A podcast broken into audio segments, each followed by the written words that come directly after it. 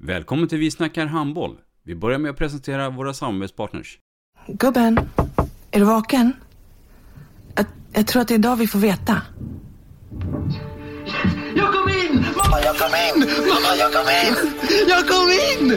Ah! Vi finns där du är när livet förändras. För alltid välkommen till Länsförsäkringar. Nej men, ska du ha t-shirt på dig? Du, det är ingen vanlig t-shirt. Det är en nya bollar till klubben t-shirt. Och så matchar den grillkryddorna vi ska använda. Hur då?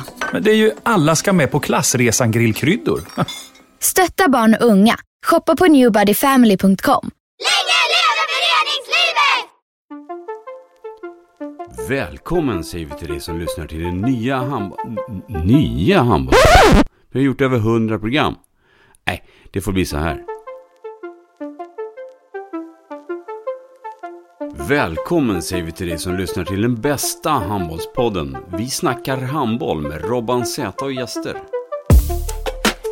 Vi snackar handboll, där du får veta alla sanningar som du inte visste att du missat. Vi snackar handboll. Idag i programmet Vi snackar handboll så har vi en av Sveriges genom tiderna bästa spelare. Mycket, mycket varmt välkommen Jubomir Jobo Vranjes. Tack så mycket. Jaha, Jubomir. Jubomir Vranjes, född 3 oktober 1973.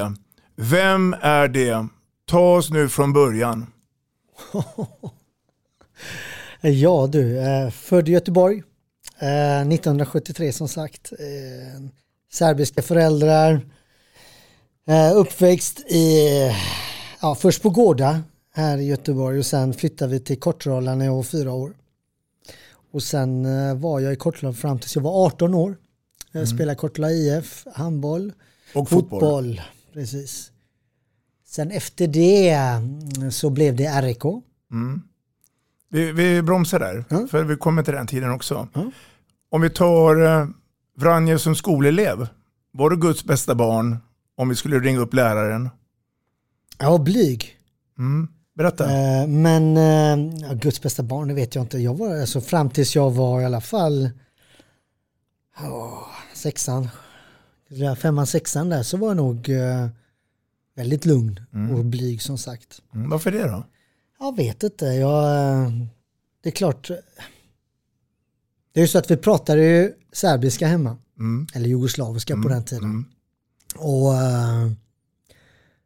jag pratade svenska i skolan. Jag gick ju, egentligen gick jag ju till tredje klass eh, jugoslavisk skola som fanns på den tiden. Det är rätt eh, otroligt egentligen att det finns, eller fanns. Det finns ju inte idag.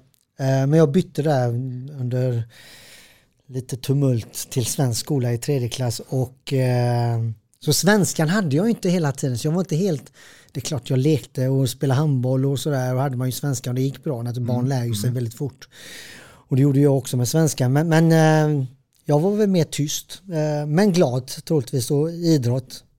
Det var väl då, då jag fick eh, skäll av läraren eller eh, var busig så att säga för då kom jag inte in på rasterna utan jag spelade istället li, lite längre. Vi skulle köra en, ett mål till. En, en, en, en, En boll till. en boll till och så vidare. Så att det var väl mer det. Annars var jag rätt lugn. Du, efter grundskolan då?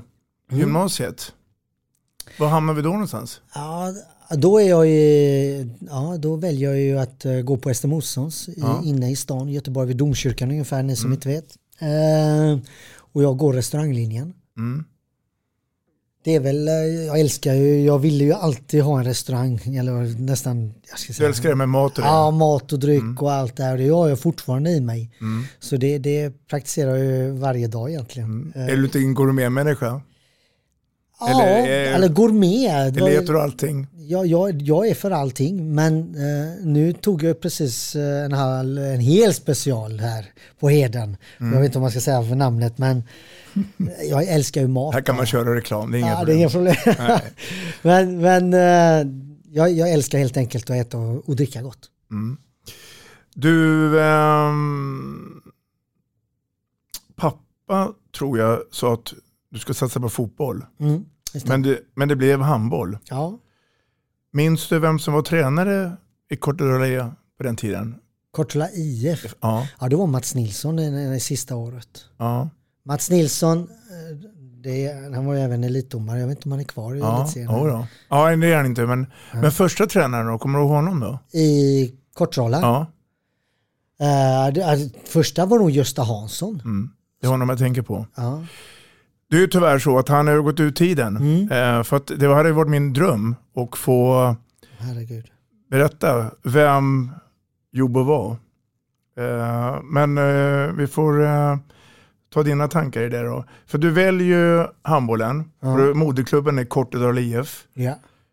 Kanske inte så framgångsrik på herrverksamheten. Eller är jag ute och cyklar här?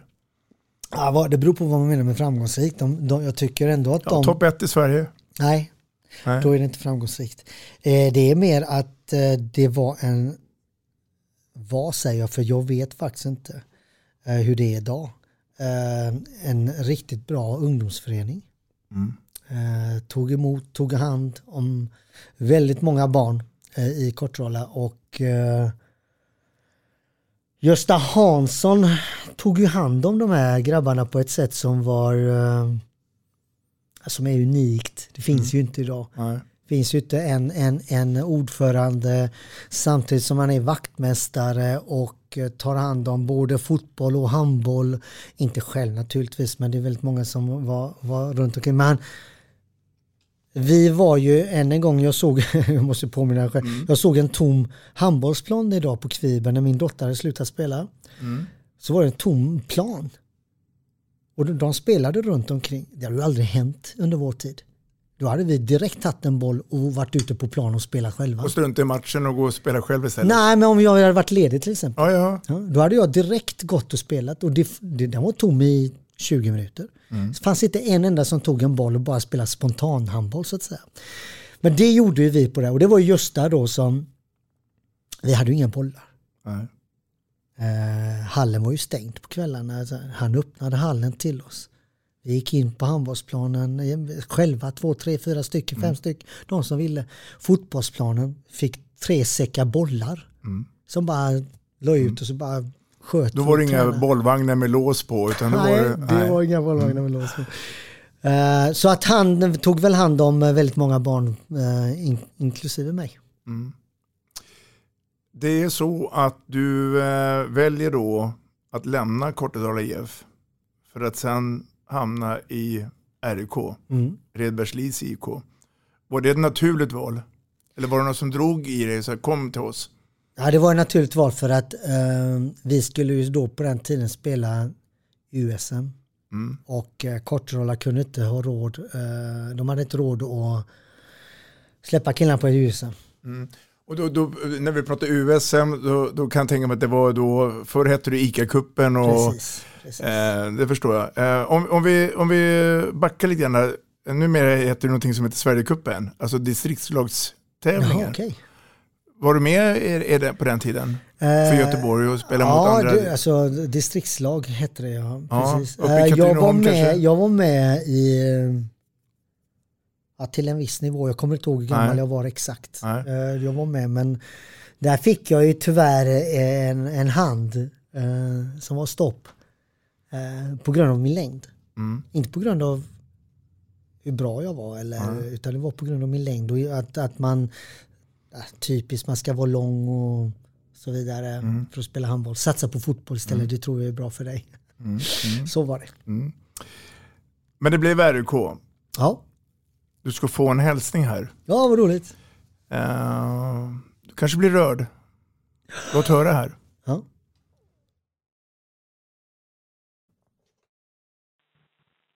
Hej Jobbo! Här kommer en hälsning från en gubbe. Vi såg första gången i början av 90-talet, alltså förra seklet.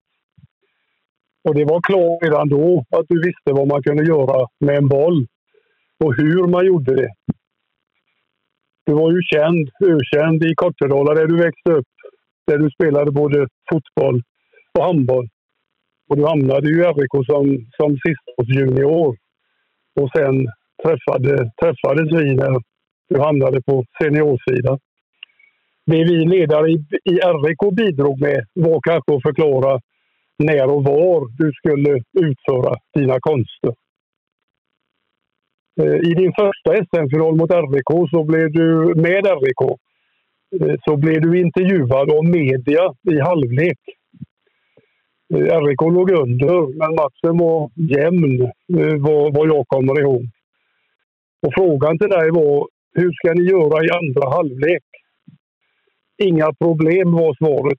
Vi gör våran grej och bara kör. Och det har du verkligen fortsatt att göra. Du har kört i en massa olika sammanhang och som de flesta vet inte helt utan framgång. Så att grattis till alla framgångar eh, och lycka till med franskan eh, där du ska sätta ner foten nästa gång. Sen har jag ett litet PS eftersom du gärna vill vinna och bli bäst så är ju risken att du blir kung av handboll i Frankrike. Och I så fall så skulle du bli den kortaste kungen någonsin i det landet. Napoleon var 1,68. Hälsningar från din vän Ola. Mm, Jobo, vad tänker ja, du när du hör det? det, ja, det? Du ser ju själv. Jag ser det. Ja, Berätta den här tiden med uh, Ola och kompani. Uh, magiskt. Jag vet inte riktigt, alltså om man uh, tänker tillbaka och ser på vad de har producerat. Mm. Vilka spelare de har producerat och, och titta på de här spelarna. Om vi bara tar en Magnus Wislander som har blivit vald till århundradets spelare. Det kommer ju från de här gubbarna. Mm. Eh, det var en skola som inte finns idag, som man inte har tålamod till idag. Och um, Jag har ju allting egentligen att tacka dem för. Och det har jag sagt flera gånger i många intervjuer. Uh, det är klart att de kanske inte är så kända ute i Europa och i världen men jag har ändå nämnt deras namn hela tiden. Var har du fått det? Varför? Och så vidare. Mm. Men för mig är uh, grunden till mitt handbollstänkande och min handbollskunskap. Naturligtvis har ju det under åren eh, utvecklats. utvecklats. men grunden är fortfarande där. Mm. Det, det, behöver inte vara mer än så komplicerat. Mm. Vi tänker alltså på Ola Lie och eh, Reine Petersen. Mm. mm. När, när du lämnar Kortedala och hamnar i RIK då, jag, jag tänker på du, du är fortfarande en, en ung kille. Eh, föräldrarna då? Så fick du sköta allting själv eller var de med alltid och, och på den tiden? Idag pratar vi mycket om curlingföräldrar. Du är själv förälder. Jag ska inte säga att du är curling, vi kanske kommer det längre fram här. Men, men hur, hur, var det på den tiden? Uh, först vill jag avsluta det som du sa innan. Mm. säga tack för de orden Ola. Uh, jag älskar dig. Uh, du vet, det var, det var ju, det, det, alltså mina föräldrar jobbade ju nonstop. Mm. Jag hade ju inte, alltså jag, mamma gjorde mat eh, innan hon gick eh, till jobbet på morgonen och vi pratade alltså innan sex. Gjorde hon maten så när jag skulle komma hem efter skolan så var maten klar. Det var ju bara, den var på spisen och jag fick lära mig att sätta på spisen. Så var det klart, värma maten och äta. Min syster som var fyra år äldre hjälpte mig med det också. Men jag fick ju nästan aldrig träffa dem där mellan skolorna utan de jobbade från sex till ja, fyra. Så kom de hem halv fem eller sånt där, halv fem, fem och då var ju träningen redan igång så att jag var ju tvungen att äta innan och det var ju allting klart. Eh, jag såg dem först på kvällen när jag fick mat igen, eh, bröd. Mm. Eh, mm. Som mamma bakade varje dag på kvällen. Eh, det var så jag, vi fick helt enkelt ta oss till eh, Bergsjön. Mm. Vi tränade i Alelyckan i, i Bergsjön och jag menar eh, det var ingen, ingen lätt, lätt väg att gå den vägen själv. Eh, nu var jag med vissa kompisar naturligtvis som åkte dit spårvagn upp. Eh, men man var ju tvungen att gå en 600-700 meter mm. till hallen genom eh, vissa områden. Mm. Eh, där vi alltifrån slagsmål till eh, ja, knivslagsmål såg allt möjligt. Mm. Och där gick vi bara förbi var, som 12-åring, 13 Som vem som helst. Äh, som vem som helst. Bara mm. gick, mm. så var det någonting, bara gick vi förbi. Äh, man fick, äh, föreställ dig det idag. Mm. Att en förälder skulle släppa, det går ju inte. Det gör man ju, det hade ju aldrig hänt. Eh, så att, eh, nej det var, det var en annorlunda, men det är också så att, jag säger inte att det var bra, jag säger Nej. bara att det var annorlunda. Och det var så man gjorde på den tiden just där och då. Mm. RIK blir ju en fantastisk saga eh, för dig. Eh, det blir ju 203 matcher, 656 mål och en himla massa SM-guld. Mm. Ehm, om, om, vi, om vi sammanfattar den tiden. eh, skulle jag gärna vilja. Det, det, är ju så, det hände ju mycket där på kort tid. 89 till 91. Mm. Jag, eh, jag växer kan man säga, inte på längden. Nej, nej. Men jag växer ju... Jag ska säga det också, det, det, det är alltså från, från 91 till 99. Ja precis, Eh, 89 kom jag som junior. Precis det. Eh, nej men det blir ju, det blir ju en, en, en, en, eh, alltså en resa som är svårbeskrivlig. Vi pratar ju bara, här pratar ju vi bara eh, Sverige men eh, Ola och, och Reine eh, bland annat, vi pratar Europa. Mm. Vi hoppade över lite, alltså vi hoppade över lite Sverige inom situationstecken. För vi, vi skulle bara vinna. Var det fult att göra det på den tiden? Ja, Fult, jag vet inte om det var fult, vi var RIK. jag menar, ehm, de vita elefanterna. Ja.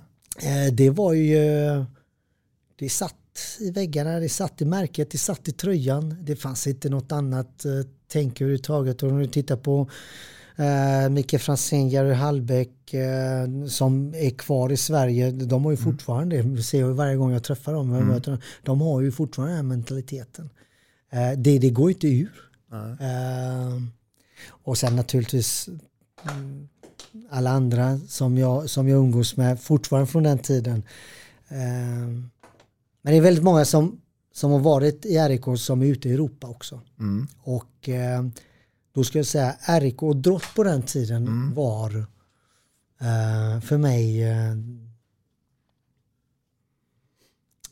eftersom Bengt Johansson var eh, alltså det, det, det var ju handboll. Det är ju där all, alla skulle jag vilja säga som är ute i Europa nästan har ju någonting från RIK Drott att göra. Mm. Det var ju de två maktfaktorerna som, som ägde svensk handboll eh, under, under många år. Eh, det har vi pratat om mycket här i, i, i podden. Så att säga. Eh, jag förstår att du är ju nyfiken. För att eh, efter 99 så får vi ett äventyr i Spanien.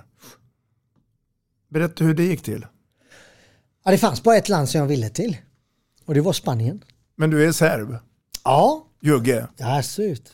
Och det passar jättebra. För att jag fick också lära mig då att juggarna eh, har väldigt lätt för spanska. Och för mig var en dröm att spela Barcelona. Nu kom jag inte till Barcelona, men jag kom eh, två mil utanför Ja, du Barcelona. var nära i alla fall. Ja, Granollers. Ja. Men jag ville bo där. Jag ville, jag ville absolut ta den. Och då sa jag då eh, till min flickvän då, Mm. flickvän Maria att ehm, ja, vi kör två år Mm. och så åker vi hem sen igen. Kör vi vidare här. Men vi testar. Och på den tiden, hade man agent då? Eller, eller grejer Ja, själv? det var, det var en agent som hjälpte mig också eh, med papper och sånt där. Absolut, det fanns Ja. det. Men det är ju inte i närheten av vad det är idag. Idag är det lite mer avancerat eller? Det är lite mer avancerat Ja. och eh, idag, jag vet inte om man behöver agent på... på Gillar du agenter idag eller är det rätt jobbigt att... För vi- vi, kommer komma till det, för nu är du på andra sidan. så- Ja, precis. Nej, jag tycker det är nödvändigt ont. Ja. Eh, jag tycker att man ska ha en agent om man är ute i... Om vi ska ta de här unga spelarna och, eh, spelare som kanske ska ta första steget. Mm. Tycker jag absolut att man ska ha en agent. eh, för att ta det steget. Mm. Men samtidigt då, om vi ska komma till det senare, så finns det ju nackdelar med det där också. Mm. Som eh, vi kan gärna ta sen. Eh, Men jag tycker absolut att man ska ha en agent. Det är, det är viktigt för det finns så mycket saker som eh, man kanske inte är mogen för först och Nej, främst som nej. spelare. Och eh, många fällor Mm. där ute. De här två åren då i Spanien. Mm. Eh, här har vi ju en tråkig månad som heter november. Regn, rusk och det. I Spanien är det betydligt tvärtom då. Men, men handbollsmässigt då, vad, vad fick du att lära dig från den tiden kontra den tiden du var i RIK? Ja, det var ju naturligtvis en helt annan handboll. Att man inte behöver eh, ta 100 eller 220 i bänkpress och, eller knäböj och 140 i bänkpress. Det fanns ju inte. Nej. Då var det mer tekniken, snabbheten, Precis, precis. stick in näsan. Ja, och hjärnan. Ja. Ehm, inte för att man inte använder hjärnan men, men eh, i svensk handboll på den tiden, eller RIK, utan här var det helt annat tänk Mm. och det har de fortfarande idag. Mm. Det är inte så att det har ändrats utan det är fortfarande den här triangeln som de gillar. eh, som de alltid försöker med linjespelarna och två, två spelare på nio meter. Så det är samma, samma spel och det funkar även idag. Klart att spelarna är Ha, snabbare, hade du samma roll eh, som, som spelare i, eh, i Granollers kontra RIK? Nio meter? Nej, det, jag var ju mittnia också, absolut. Ja, ja. Men, men eh, jag hade ju lite annorlunda roll än, än, än i RIK. Det var ju... Det var, det var en, en period på kanske fyra månader eller något sånt där. Mm. eh, som uh, tränaren var kvar. Mm. Sen bytte vi tränare igen. Och Jag tror jag hade tre tränare eller något sånt där, fyra tränare. På den tiden? Ja. Mm. Ja, det gick undan. Tränarjobbet är inte roligt. Nej. Och, och din spelare var med och säger någonting då, att vi skulle gärna vilja ha honom som tränare. Eller var det bara det kom ett Nej, eh, besked att nu står han här? Nej, det är inte som idag. Nej. Eh, Där Nej. spelarna styr och ställer eh, mer. Eh, utan eh, där var det bara gör ditt jobb Mm. helt enkelt. Om, om vi backar tillbaka till, till tiden till RUK där så misstänker jag att du fick en hel del vänner. Som, eh, alltså lagkamrater. Var, var det någon eller några som du var lite mer kär till? Alltså, vänskapligt kär? Eh, Det, det finns ju naturligt, alltså, det- när, man, när man har sån framgång som vi hade i RIK så är det svårt eh, att inte bli vän med någon. Nej. Alla var ju vänner. Eh, Var det alla- massa hysch-hysch? Ja, det är klart att det, det, är klart att det var eh, som, som jag skulle säga i varje lag. Ja. Eh, men vi... Eh, det spelar ingen roll vem jag ser idag ifrån den tiden så, så är det alltid en kram. Eh, ska vi ta en bärs? Det, det finns inte, alltså det, så är det ju. Men med landslaget och eh, Europaäventyret så har det ju naturligtvis blivit att man har blivit närmare än andra Mm. mer. Och Peter Gensel är en sån. Mm. Eh, Men jag tror att det är en annan kamrat också som du gillar. Låt jag, höra här. Jag, jag gillar många kamrater. Ja. Du ska få en hälsning till här. Ja. Vänta här. Tjena, tjena Jobbo. Eh, jag har naturligtvis massor med härliga minnen, men ett minne som, som eh, du definitivt inte känner till är när jag var i Lisebergshallen eh, tillsammans med min pappa och vi satt och kikade när du spelade med B-laget. Och eh, du var där med dubbla eh, skydd för benen, eh, benhinnorna. Och eh, min pappa tyckte du var helt fantastisk men han eh, brast också ut. Hur i helvete ska han bli handbollsspelare? Eh, och det, det sitter kvar för den karriären som, som du har gjort efter den är helt magisk, makalöst. Mm. Vem var det där då tror du? Det var länge sedan jag hörde den rösten. Mm. Eh, Han är numera sportchef i RUK. Just nu? Mm. Uh, sportchef? Ja, ja, det eh, Tony? Precis. Ja. Tony Larsson. Ja. Mm. Eh, ja, vad, vad, apropå det här eh, Men, med... men, vad- vad- jag måste säga en sak. eh, Jag blev intervjuad av en tidning också. Eh, och de frågar om Partille och så, här, det här med, med skydd va? Det gillade jag. Mm. Men det var också nödvändigt när vi spelade Partille Cup Mm. så var det asfalt. Mm, då var vi ute på Partille. Ja. Mm, då pratade vi riktiga Partille Cup. Ja, precis. Mm. Då, då kan jag säga, då, då var det bra med skydd. Eh, ja, jag vet inte vad jag ska säga. Ehm, ja, jag var på semester precis nu med Peter. eh, och eh, vi satt vid poolkanten och bara tjötade lite. Och man eh, pratar om vissa saker som kanske inte är ute i media och så vidare. Men jag kan i alla fall säga att man, man funderar på när den ska sluta. Mm. Och det var ju ungefär där. Men då när man pr- pratar om att när man ska sluta eh, som tränare så kom vi in på det här med vilken, ja, alltså vad har, jag, vad har vi och vad har jag gjort och så vidare. Och eh, man stannar ju nästan aldrig upp. Jag, en, idag så vill jag bara framåt. Mm. Jag, vill bara, jag är nyfiken som du sa. Jag är äventyrslös. Jag vill, jag vill inte vara på samma plats. Jag vill bara, bara testa, testa, testa, testa gränser hela tiden. Ehm, ibland går det bra, ibland går det dåligt. När man säger att man har framgång, ja, man har framgång. Jag har massa eh, saker som jag också inte har lyckats med. Mm. Och det glömmer man också ibland eh, att prata om. För att, eh, ja, så är det. Eh, men då är det, då är det den här sagan som jag funderar på inte alls för länge sedan, förra veckan. Det är, eh, det är som sagt en, eh, jag vet inte hur jag ska säga det, jag blir nästan så här, jag tror inte att det är sant. Nej. Det, det, det är inte möjligt. Vad, om man vet exakt hur jag växt upp och med vad jag har haft och, och vilka förutsättningar jag har haft. Alla, alla, det, det finns ju inte en, även efter eh, första EM-guldet, även efter fem SM-guld, eller det spelar ingen roll, så var det alltid folk som tvivlade på mig. Alltid. Det har alltid haft folk Och som du tvivlat på själv har alltid varit en vinnarskalle. Ja, vinnarskalle och eh, bevisa allt eh, det absolut inte... ehm, och bevisa att eh, de inte har rätt. Ungefär så. Nej. Det har, det har blivit en sån... Och hur många gånger hur många gånger måste man göra saker för att folk ska vara glada för en? Istället för att vara avundsjuka och eh, se ner på vad man har gjort och att det är tur och inte tur. Och, eh, och även nu som tränare, alltså det, det är så mycket avundsjuka som, som, som jag tycker är synd. Att de inte gläds istället med varandra utan man försöker se det dåliga hela tiden. Typiskt svenskt, ska jag säga. Ja, det är väldigt mycket svenskt.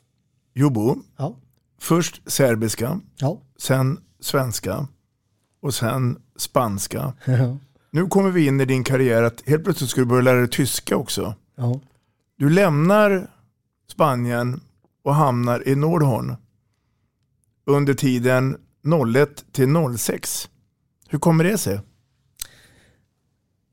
Ärligt så var det pengar. Här ska vi köra med ärlighet. Ja, men det var det. Ja. Det var...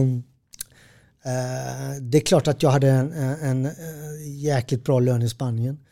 Men eh, vi fick, eh, jag säger vi för att eh, Peter Gensen var med i den dealen.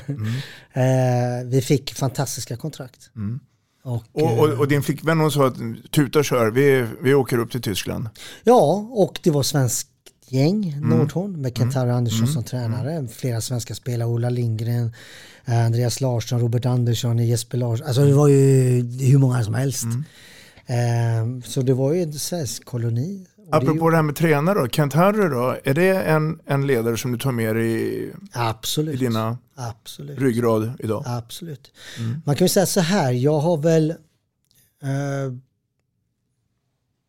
det mesta är från Ola och Reine. Mm. Och sen har jag Bengan, sen har jag Kent-Harry och, och eh, sedan har jag väl eh, snott skulle jag vilja säga. Tagit Mm. ifrån eh, väldigt många, Valero, Tuchubayev, alltså vä- väldigt många andra tränare skulle jag vilja säga. Där jag har då försökt att göra någonting till mitt eget. Mm. Så det är inte så att jag... Och din egna karriär måste ha tagit en hel del saker från också? Eller ser man inte Ja, absolut. Som spelare. Eh, Absolut, det har jag Mm. gjort. Mm. Många vänner har passerat och många vänner består. Ehm, här kommer en vän och en hälsning till. Eh, det är ett tag sedan, tror jag, ni, ni träffades. Jag tror. Eh, men eh, det här är väl också en typisk Vranjes-grej. Låt höra här. Tjenare! Jobbo har jag spelat mycket ihop med under många år. Vi har vunnit matcher, vi har förlorat matcher. Eh, sen har vi tampats med varandra som eh, tränare i varsitt lag. Eh, det är mycket minnen man har. Eh, mycket ro roligt utanför också. En av de eh, roligare sakerna var ju när han var med i luringen där i morgongänget där, Mix Megapol. Eh, ja, det här är Jerry Hallbäck. Hoppas ni har en god dag. Ha det gött. Hej! Om vi börjar med Jerry Hallbäck. Ja. Hur är han och er relation? Både på plan och utanför plan? Än en gång, eh, när man väl träffas så är det ju fantastiskt. Eh, man älskar ju de här människorna. Det är svårt och jag har ju, jag har ju försökt och varit väldigt medveten om att jag ska vara den jag är alltid. Och inte glömma mina rötter. Och uh, Kortrolla är en som jag umgås eller har kontakt fortfarande med alla mina barndomsvänner som jag gick med sjuan, åttan, nian. Både fysiskt och via sociala medier? Ja, och... precis. Mm. precis. Ehm, jag, när vi träffas naturligtvis, så, det är inte ofta vi träffas för jag är ju nästan aldrig hemma i Sverige. Nej. Men ehm, jag försöker hålla kontakt, och det är även med alla spelare, RIK, inte bara dem, Flensburg. Ehm, en fantastisk människa. Mm. Alltså både på och utanför plan. Med Eh, glimten i ögat? med glimten i ögat och en, och en eh, alltså jag älskar ju den här, den här, den här eh, äta taggtråd Jerry som innan, innan matcher och under match och man gjorde jobbet, han gjorde jobbet. Jag, jag ska inte, Jerry, jag ska inte säga att du var någon eh, tekniker precis men, men eh, han gjorde sitt jobb Du fantastiskt. får skicka en passning till honom om du vill göra det. Nej, men det, det var en riktigt härlig människa. Inte bara han utan han, hans familj och eh, barn som har blivit jätteduktiga. Mm. Um, jag helt visste när jag var i Idre, Idre fjäll också. Då, då var mina barn små och då var, då var hans barn lite större och de tog hand om min. Alltså det är, det är familj. Du ska få höra en sak till från, eh, från Jerry. Den kommer här. Eh, vid eh, den här med eh, Jumbo, va? Jobomir Vranjes där, handbollsspelaren som blev proffs i Spanien så småningom. Vi bjöd upp hans eh, forne tränare för att tala in några välvalda meningar och kommentarer. Eh, och därefter så smidde vi en djävulsk plan. Så ringde vi helt enkelt. Det blev rätt så lyckat, va? Ja,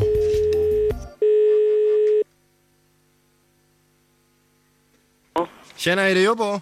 Ja, Hej, det var Keke Larsson, Expressen här. tjena.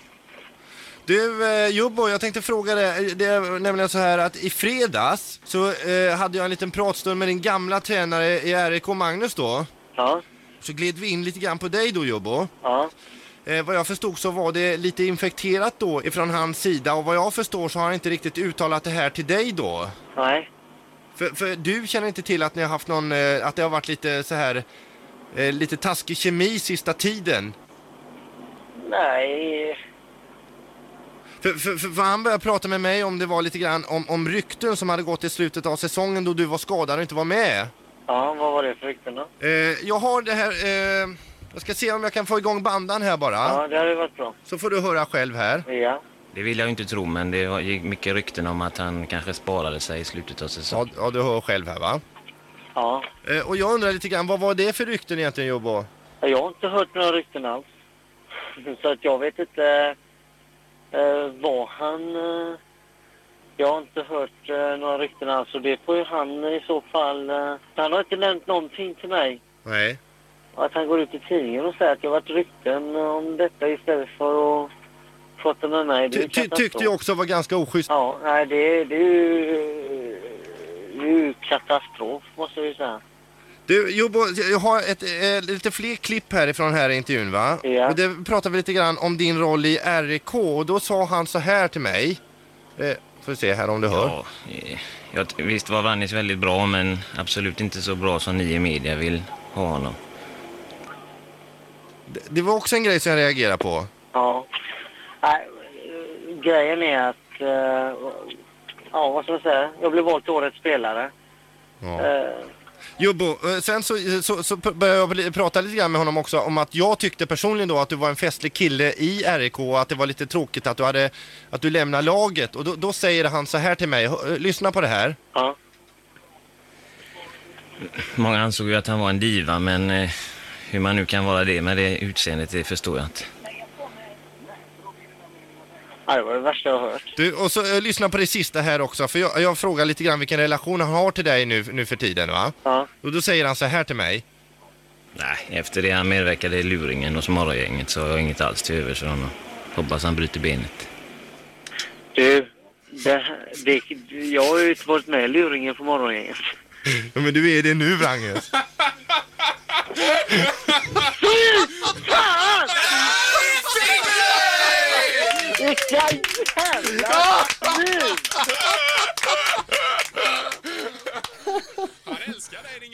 Ja du, Johan Mir. Katastrof. Kommer du ihåg det nu? Ja, jag kommer ihåg det. Jag har blivit eh, påmind rätt ofta av den här. Usch, ja, det var, jag svettas ju nu, men det var ju eh, ja, en naiv liten grabb. Eh, ja, roligt. Mm. Men det är väl en del av den här jargongen som ni har haft under alla åren? Jag misstänker det. Bara. Ja, det var faktiskt så mycket historier egentligen. Jag ska inte säga någonting eh, och där jag har suttit på andra sidan. Men ehm, det här var ju bra, men det var ju väldigt svårt eftersom jag hörde hans röst.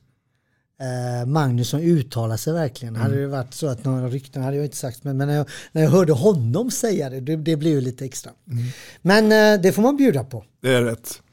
Apropå bjuda då, så väljer du att lämna Nordholm för att hamna i Flensburg. Mm. Och det är väl här många har kanske ett starkt minne, för nu händer det mycket i din karriär. Eh, vi är då i ett läge 2006-2009 som spelare. Den tiden då? För sen kommer, sen sållade du om lite grann. Ja, alltså den tiden blev ju... Vi har ju, alltså vi säger jag, men jag har ju aldrig... Eh, eftersom landslaget var så framgångsrikt så var inte jag eh, riktigt... Eh, jag hade väl två anbud från toppklubbar innan. Men det var inte riktigt min grej. Jag, jag, ville ju, jag hade ju landslaget och det var ju aldrig semester. Alltså, plus, Mm. jag så- såg ju på de här eh, TAV-spelarna eh, hur de kom till samlingarna och det, det, var inte, det såg inte bra ut. De var ju Mm. trötta och slitna och, och ändå presterade de något enormt hela tiden. Men det var inte sådär. Men då gick Kent-Harry Andersson då ifrån Nordholm till till Flensburg. Mm. Och året efter så ringde han mig och frågade om jag ville komma och satsa på Champions League. Mm. Jag hade inte tänkt i de banorna innan dess. Satsa på Champions League. Men sen dess så blev det en... eh, Det är klart, det, hade, det kan man ju inte vinna med landslaget. Och sen dess eh, har jag ju sökt mig till det och försökt vinna det. Mm. Så det var därför jag gick till Flensburg helt enkelt. Mm. Det blir ju däremellan också då så är det ju så, du, du var ju inne på det lite grann med spel med landslaget. Jag tänkte vi skulle ta det som en liten egen del också då, men du hann ju med ehm, 164 landskamper. Eh, och 451 mål om jag tittar rätt i mina lilla anteckningar. Men det som är intressant här nu tycker jag det är ju att du eh, satsar också på din tränarkarriären här. Ja. Ehm, och det är jag lite nyfiken på här för att eh, du bland många andra i den här Bengan Boys-eran har du sållat om och blivit ledare och tränare. Vad är det som gjorde att du gick den vägen? Han tänker just nu. Ja, eh, den vägen. Jag ville inte gå den vägen egentligen. Så att det blir ju... Det blev, det, blev, det blev en tillfällighet. Samtidigt så bestämde jag mig någonstans att jag har inget annat att göra. Jag hade inget annat. Jag, det var öppna restaurang då. Mm. Uh, hitta på något annat. Jag kommer inte riktigt ihåg vad jag hade för alternativ utöver handbollen då. Mm. Men eh, jag skrev på först för GOG. Mm. Där de gick i konkurs och vi bröt det kontraktet. Och sen skrev jag på för Skövde. Mm. Eh, Du pratade väl 2008? och sedan så efter det så eh, hände det en hel del saker i Flensburg där det blev eh, tumult och Lars Christiansen slutar samtidigt. Eh, Finn Holpert, ja, nu vet jag inte men vad säger man, sportdirektör, nej det är inte sportdirektör, han är Geschäftsführer. Ja, klubbansvarig. Klubbansvarig. Mm, mm. Eh, han slutar också. Eh, och det var några andra eh, som slutade, väldigt många som slutade samtidigt och så Flensburg hade egentligen låtit mig gå men de, de, de, jag var ju lagkapten i Flensburg på den Mm. tiden. Och, ehm, de ville behålla någonting av det gamla. Mm. Och det var väl jag då. Mm. För väldigt många andra hade försvunnit. Och då fick jag ett anbud att bli sportchef i Flensburg. Och eh, ja, det tar man ju naturligtvis. Och pr- pratar du med nära och kära om den tiden Absolut, också? Då? För att- naturligtvis. Alltså det var ju, vi hade ju byggt ett hus i, i, i, strax utanför Göteborg Mm. eh, som var klart och vänta, flyttat eh, möbler och allt. Ja. Så att det blev, det blev eh, en, en kovändning och eh, jag eh, pratade med allihopa men framförallt var det så IFK Skövde som fick bestämma. Mm. Så jag åkte till IFK Skövde själv. Och de fick välja helt enkelt om jag skulle bli deras tränare eller om de släppte mig för det. här. Och de valde att släppa mig. Mm. Sa du några önskemål då till dem att eller, Nej, utan, utan jag, jag eh, gav dem ett uh, motanbud helt Mm, enkelt som de accepterade och eh, jag tror de än idag är nöjda med det. Mm. Mm. Då blir det då Flensburg som ledare. En häftig tid. Eller en tuff tid. Häftig från början. Ja. Eller ja, tumult i början. Mm. Häftig sen. Mm. Och eh, mycket glädje, mycket Mm. upplevelse. Och sen blev det, sen blev det tufft och uh, outhärdligt. Om, man ska, om man ska dra det från Mm. Ja, det är rätt. eh, 0 till 100. Du, du kände dig färdig där 2017? Jag kände att jag inte kunde vara kvar. Nej. Att hade jag varit kvar, jag har haft depression tidigare, hade jag varit kvar så hade jag nog, eh, jag vill inte påstå något annat, men jag hade nog inte mått så bra. Nej. Och jag valde att må bra istället. Märkte omgivningen att han mår inte riktigt bra, den här lilla Jag, Ranjespojken? jag tror framförallt spelarna märkte att jag inte mådde bra. Ja. Ehm, och jag sa innan jag gick att eh, ska, ska man vinna någonting med här så måste jag bort. Mm. Inte för att vi inte vann någonting. Eh, men eh, Men det fanns den här vinnarmentaliteten hos dig fortfarande? ja, Ja. absolut. Mm. Men jag ville för mycket kanske. Och nu, nu får vi lära oss ett nytt språk. Ja. För nu hamnar vi helt plötsligt i Ungern. Mm. Fantastiskt. Låt oss höra den resan. Ja, men, det, fanns, det fanns ju ett par klubbar som Paris, eh, Vesprem, Barcelona. Nu hörde både Paris och Vesprem av, eh, av sig. I samma period? Nej, samma... nej, utan Nej. Paris var innan och sen kom Vesprem. Ja. Ehm, det är klart att om man ska bort någonstans Mm. så är det bra klubbar att gå till Mm. för att vinna Champions League. Det är det som gäller för mig eh, då. Eh, det var bara det som gällde. Jag var bara framgångsorienterad. Mm. Eh, Var det sportsliga viktigare än ekonomiska? Jag tänker på det. Och, nej, det, alltså, det, när du är i de klubbarna så är ekonomin okej. ja, Så att det, det då spelar ingen roll. Jag tänkte, jag tänkte just på att du, du ville känslan att vara med i Champions League och gärna vinna den. Nej men du vet eh, när du är... äh, pengar, jag, känner, jag tjänar pengar var, var jag än var om man säger. Så det, det spelar ingen... Pengar var inte... Det viktigaste. Nej, utan det var att försöka vinna Champions League. Mm. Ehm, Men kravbilden måste ha höjts också. Ja, men kravbilden, kravbilden den, det är någonting Klarar du av att hantera? Ja, det klarar jag av att hantera då. Men nu, nu tycker jag att den är... Jag har fortfarande en krav. Var jag än kommer så har jag en kravbild som att jag ska trolla med vad som helst som jag har. Och det är jag inte. Jag är bara en vanlig människa. Jag är inte eh, någon magiker. Får du den känslan idag? Alltså, är det en del av erfarenheten som är du det tog den erfarenhet jag har Ja. idag. Och det, det vet jag. Vart jag än kommer så, så eh, har jag misslyckats nu. Om jag inte vinner någonting stort. Ehm, men eh, det räcker ju inte att jag till exempel eh, att jag eh, blev framgångsrik med Slovenien. Mm. Du ser ju ingen, jag vann ju ingenting. Nej. Men att vi kom till en semifinal i Europa, det räknas inte men för mig. Eller mot mig. Och, det, det, det är denna, och jag, jag eh, fixar den kravbilden. Det är inte så att jag inte, men jag tycker att den, eh, jag försöker tona ner den nu. Mm. För att eh, det, jag kommer inte kunna klara av det. Mm. Jag kommer inte kunna klara av att vinna Champions League med varje lag jag tar över. Eller förstår du vad jag menar? Ja, ja, ja. Jag är med. Om, om vi pratar framgångar i det så är det ju, och man ska hantera både framgång och motgång. Så vet jag inte om det var en motgång, men efter världsbrand så hamnar du i Kristianstad. Mm. Och där eh, kanske inte allt fungerar precis smärtfritt. Höga förväntningar, apropå det här från omgivningen. Nu får vi Jubomir Vranjes, bla bla bla, årets spelare, hej och hå allt det där.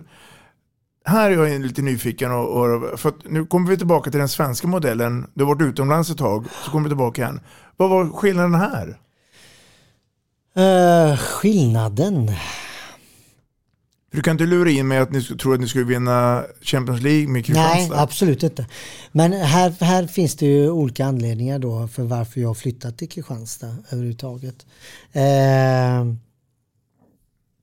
nej, det var, det var bara att vinna svenska guldet, SM-guldet. Mm. Det var det bara som gällde med Kristianstad. Mm. Och Europacupen skulle man komma så långt som möjligt naturligtvis. Eh, så det var inte de kraven överhuvudtaget.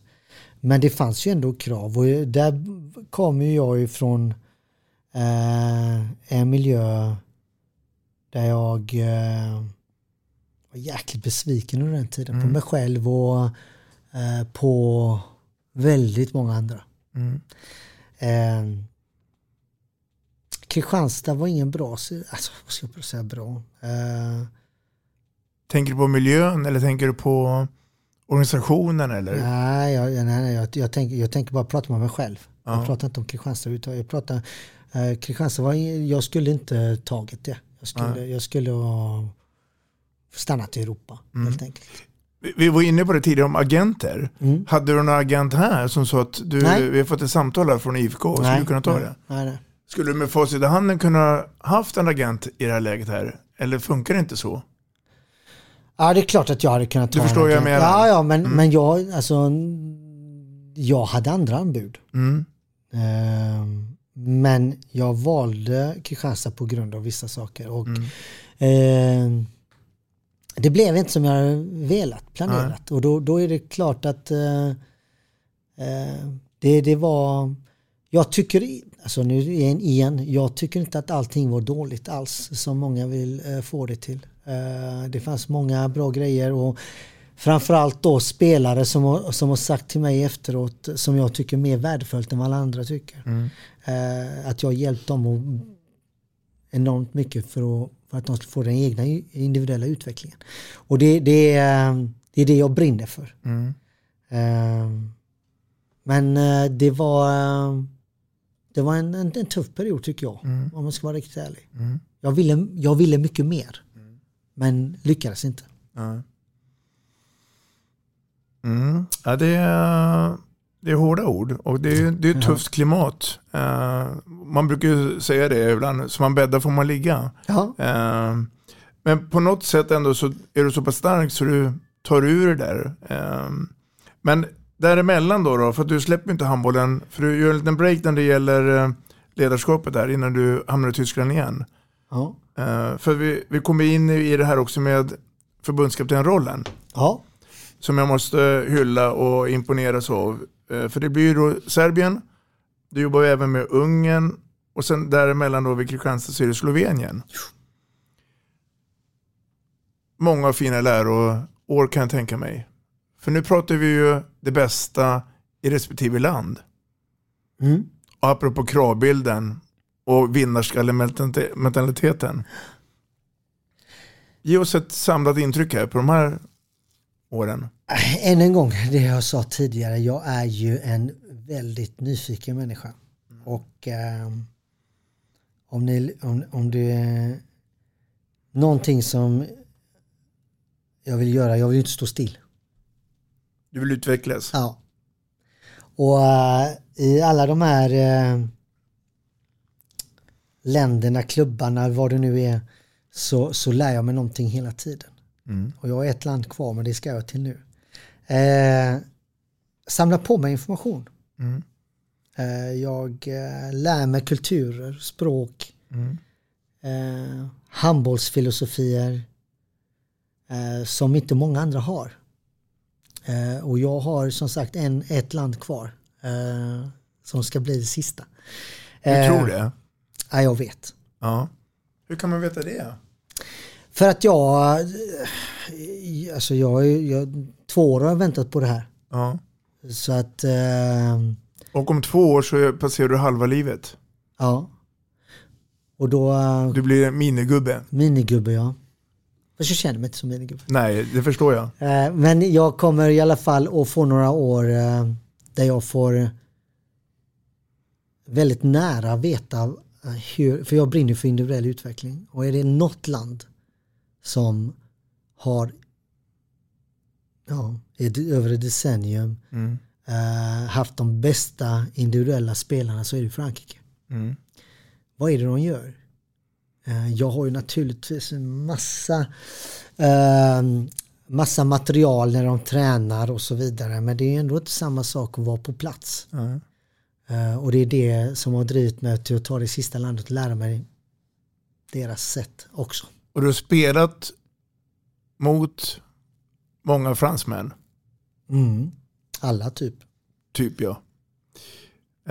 Um, ska vi ta den ingången också då? då? Jag tänker på det. Hoppar rätt mycket men det är okej. Ja, det är det- jag själv som hoppar. Det, är- det är så. Nej, men jag, jag, jag, eh, jag betraktar det som färdigt det här med eh, Serbien, Ungern och Slovenien. Ja, det finns inte så mycket att säga. Det var Nej. fantastiskt. Det, det finns eh, magiska historier men det, det är ju det har vi inte tid med för det Nej. första. Eh, Men sen- om, om, jag tänker på de här tre länderna och, och ditt ledarskap och sen tänker jag på Bengan-Johan, jag vet att man ni gjorde en massa hyschers i det. Skulle den hyschers-varianten funka i de här länderna som du har varit i? Eller får man, är det mer stelbent och, och man sköter sig själv och lite egoistiskt? Det funkar inte. Nej. Alltså, jag försökte. Framförallt med Ungern, så försökte jag även med Vespen, där med, med att bygga lag vid sidan om och att eh, sammanhållning och att vi skulle ha teambuilding och jag menar, vad fan är det? Mm. Eh, gör ditt jobb, vinn, så är det Mm. bra. Eh, det är rätt hård klimat Mm. eh, som kanske inte många som förstår. Många tycker, tittar på tv och tycker ah, varför gör man inte så så. Eh, du bestämmer inte s- hela tiden. Det är inte så. Och skulle du försöka göra någonting eh, så, så kan du bli trampad på eller eh, du trampar på någon annan. Alltså det är hela tiden det här spelet eh, i de här länderna. Mm.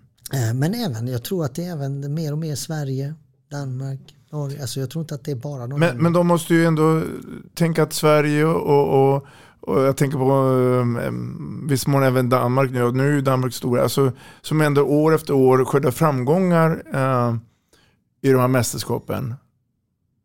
Men, men jag kanske är för naiv. Jag, jag, för jag, jag, jag måste ju säga, någonting måste han ha gjort rätt under Bengas tid, att jobba med här med teambuilding och det. Eller var det så att eh, det kom fram just vid den här tiden under hans 16 åren, bara massa talanger? Kan det vara så enkelt? Nej, alltså det är klart att det funkar. Det, det, är ju, det är ju inte så, det är klart att det funkar men det är, de är inte uppväxta med det, det är inte deras kultur. Ehm, och man gör inte så. Det, Nej. Så enkelt är det. Det är klart eh, att det funkar. Du har ju gjort lite på sidan av handbollen också. Du har varit i tv-rutan. Mm. Eh, uppskattat. Du ska få en hälsning här. Okej. Från en eh, nära vän till dig tror jag. Mm.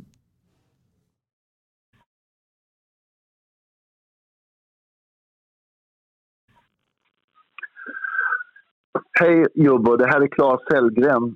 För mig som, som har haft handboll utifrån under många år när du har spelat så har det betytt så otroligt mycket för väldigt många människor. Först med din allmänna, alltid glada Eh, och uppriktigt eh, se ut att tycka om våran sport. Det andra är att man som inte jättestor spelare och massor med, med, med höjd och kraft och allting så har istället kunnat visa att man kan spela handboll om man har saker som, som är väldigt bra. Det är ju spelsinne, bollsinne och otrolig vilja när, när man spelar. För mig har det varit otroligt kul att eh, få se, speciellt i landslaget, men också sett att bana banat väg för att vi behöver inte vara just den typen som det var under en period, stora spelare, utan här finns det snabba, lite mindre härliga spelare som, som har lyckats att bli världsstjärnor. När det gäller ditt ledarskap så har det varit oerhört intressant ur mitt perspektiv och jag vill skicka en hälsning till att kombinera just det här svenska metodiska med Balkans temperament och det är en kombo som utifrån mitt sätt är ju enormt intressant.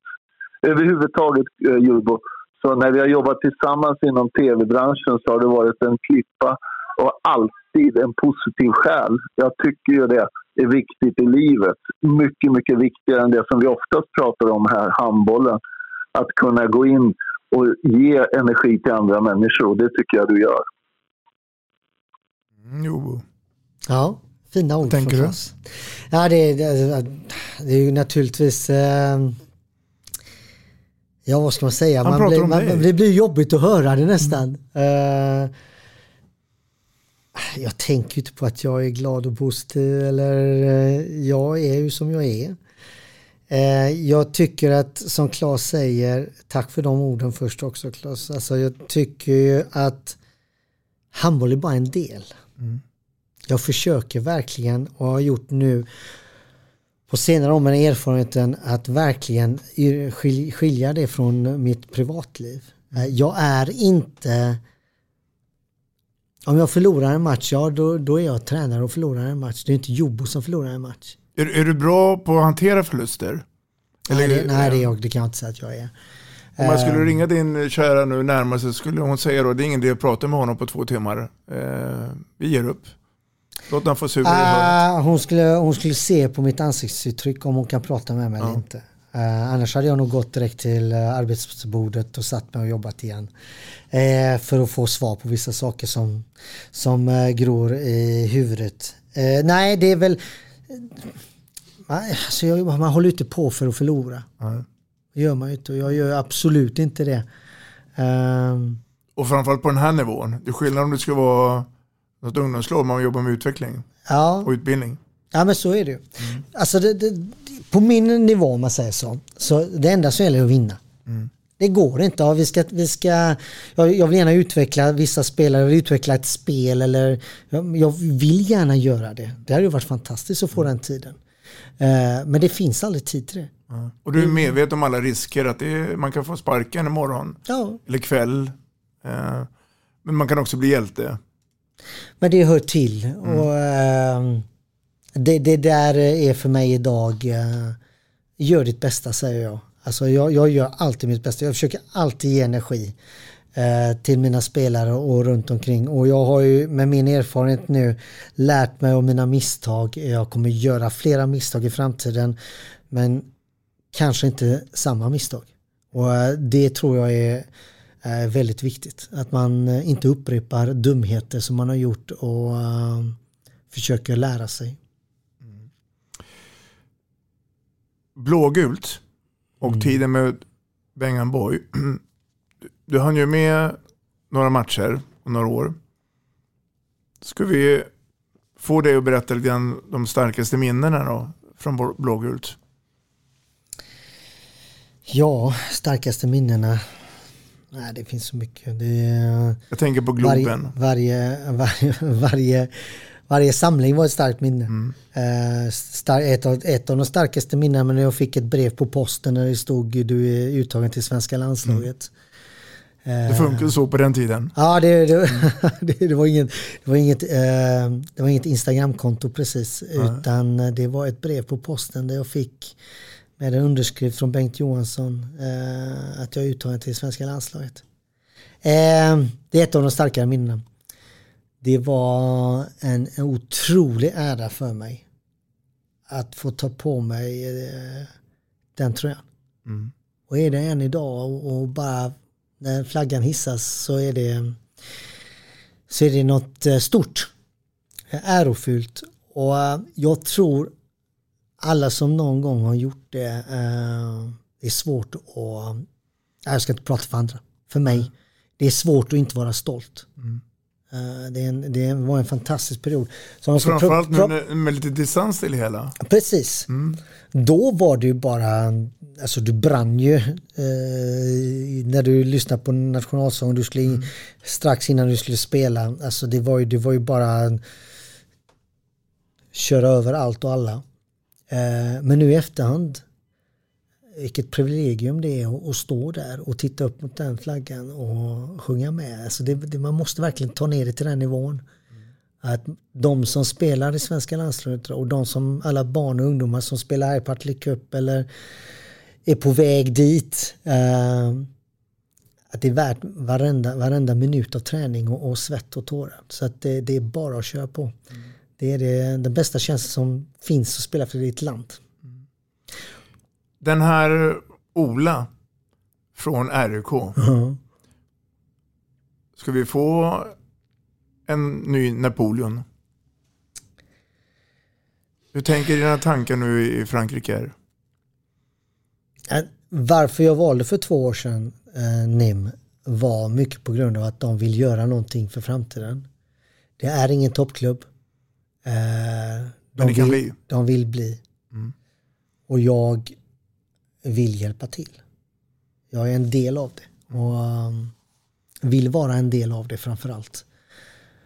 Så att eh, jag, det är inte någonting som jag strävar efter att bli någon kugg. Eh, utan eh, jag vill bara ta ett steg till med min tränarkarriär. Men du känner att hungern och engagemanget finns där? Något enormt Ja. som jag inte känt på väldigt länge. Nej. För det måste finnas hos dig, om jag förstår det rätt. Ja, det måste vara det. Ja. Jag måste brinna för någonting annars blir det bara pannkaka av det. Och det gäller väl inte mig bara utan det är väl allmänt för alla människor. Brinner du inte för någonting och inte tycker det är roligt så blir det inte bra. Och det har man lärt sig nu under, under mina år. Men jag, jag är otroligt motiverad för Frankrike och eh, för det här laget och den här staden. Och det ska...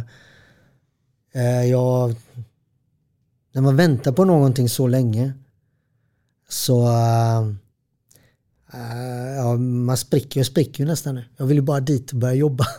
Så fort som möjligt. Så fort som möjligt ja. Så att det ska bli spännande. Ehm, jag vill verkligen, jag säger inte lyckas, men jag vill verkligen hjälpa till. Så att uh, NIM får en framgångssaga för att det var 1984 sist och det är ett tag sedan. Och hela familjen följer med. Nej. Hur tänker nej, vi här? Nej, här tänker vi så att min dotter eh, ska gå och få kvar skolan i Lund. Mm. Och ehm, det är viktigare. Mm. Eh, De är så pass gamla nu så jag får aldrig träffa dem ändå. Eh, Det, det är lite tufft för en far. eh, Men de har egna intressen, de har eget liv. Eh, William är 20, Ester är, ska fylla 17 nu. Så att jag menar min fru sen 27 år tillbaka, det, hon är bara glad att jag försvinner lite.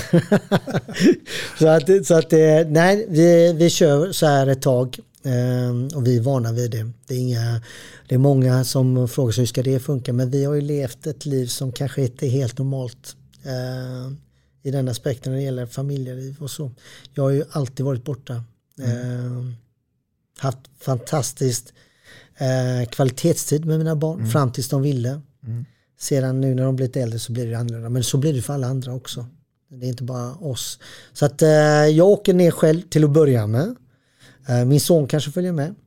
Eh, men fru och dotter stannar i Lund. Ser du, ser du i framtiden att det kan bli eh, svenska importer? Jag har redan värvat Konradsson. Ja. Det är den enda spelaren jag har värvat egentligen. Allt annat eh, Finns. är, är kvar. Eh, och det kan bli så ja. Eh, Vi ska sätta oss ner och vi har redan satt oss ner. Vi planerar för framtiden steg för steg. Eh, vi har eh, i alla fall sex spelare nästa år som eh, kontrakten går ut på. Men jag vill inte ta några beslut utan jag vill först själv eh, träna dessa spelare innan jag tar ett beslut mm. om eh, vad det handlar om och om vi ska överhuvudtaget värva något nytt eller om vi behöver värva något nytt. Eh, så så ser det ut. Mm. Du, eh, sista frågan här. Då. Jag var inne på det lite tidigare men fick ett kanske lite luddigt svar av dig. eh, när det gäller landslaget i blågult och din karriär, som är en fantastisk resa. Vad är det för starkt, eh, starkaste minne, alltså starkaste matchen som du tar med dig från de här, de här fantastiska åren? Ja, du nämnde ju Globen, Globen tidigare. Jag menar, eh, jag vet inte hur många som minns det. Men, men våra ålder kanske minns det. Men eh, finalen i Globen och semifinalen, alltså det, det, var ju magi. Jag vet inte om man kan föreställa sig riktigt det att en gul och blå arena Om man vinner ett EM-guld på hemmaplan. Eh, ett tryck, ett, eh, ett, ja, med det här gänget som, som hade kämpat så många år tillsammans. Eh, tredje EM-guldet eh, på plats. Det var häftigt. Mm. Jubomir Vranjes. Det är så att tiden har kommit ikapp oss. Ja. Det har varit en stor ära att ha haft det här i podden Vi snackar handboll. Jag hoppas att det är ömsesidigt. Absolut. Tack snälla för att jag fick vara med. Och lycka till nu med alla dina erfarenheter du har haft med dig, men framförallt de nya möjligheterna eh, som kommer. Så eh, återigen, lycka till nu och tack Merci för beaucoup. besöket.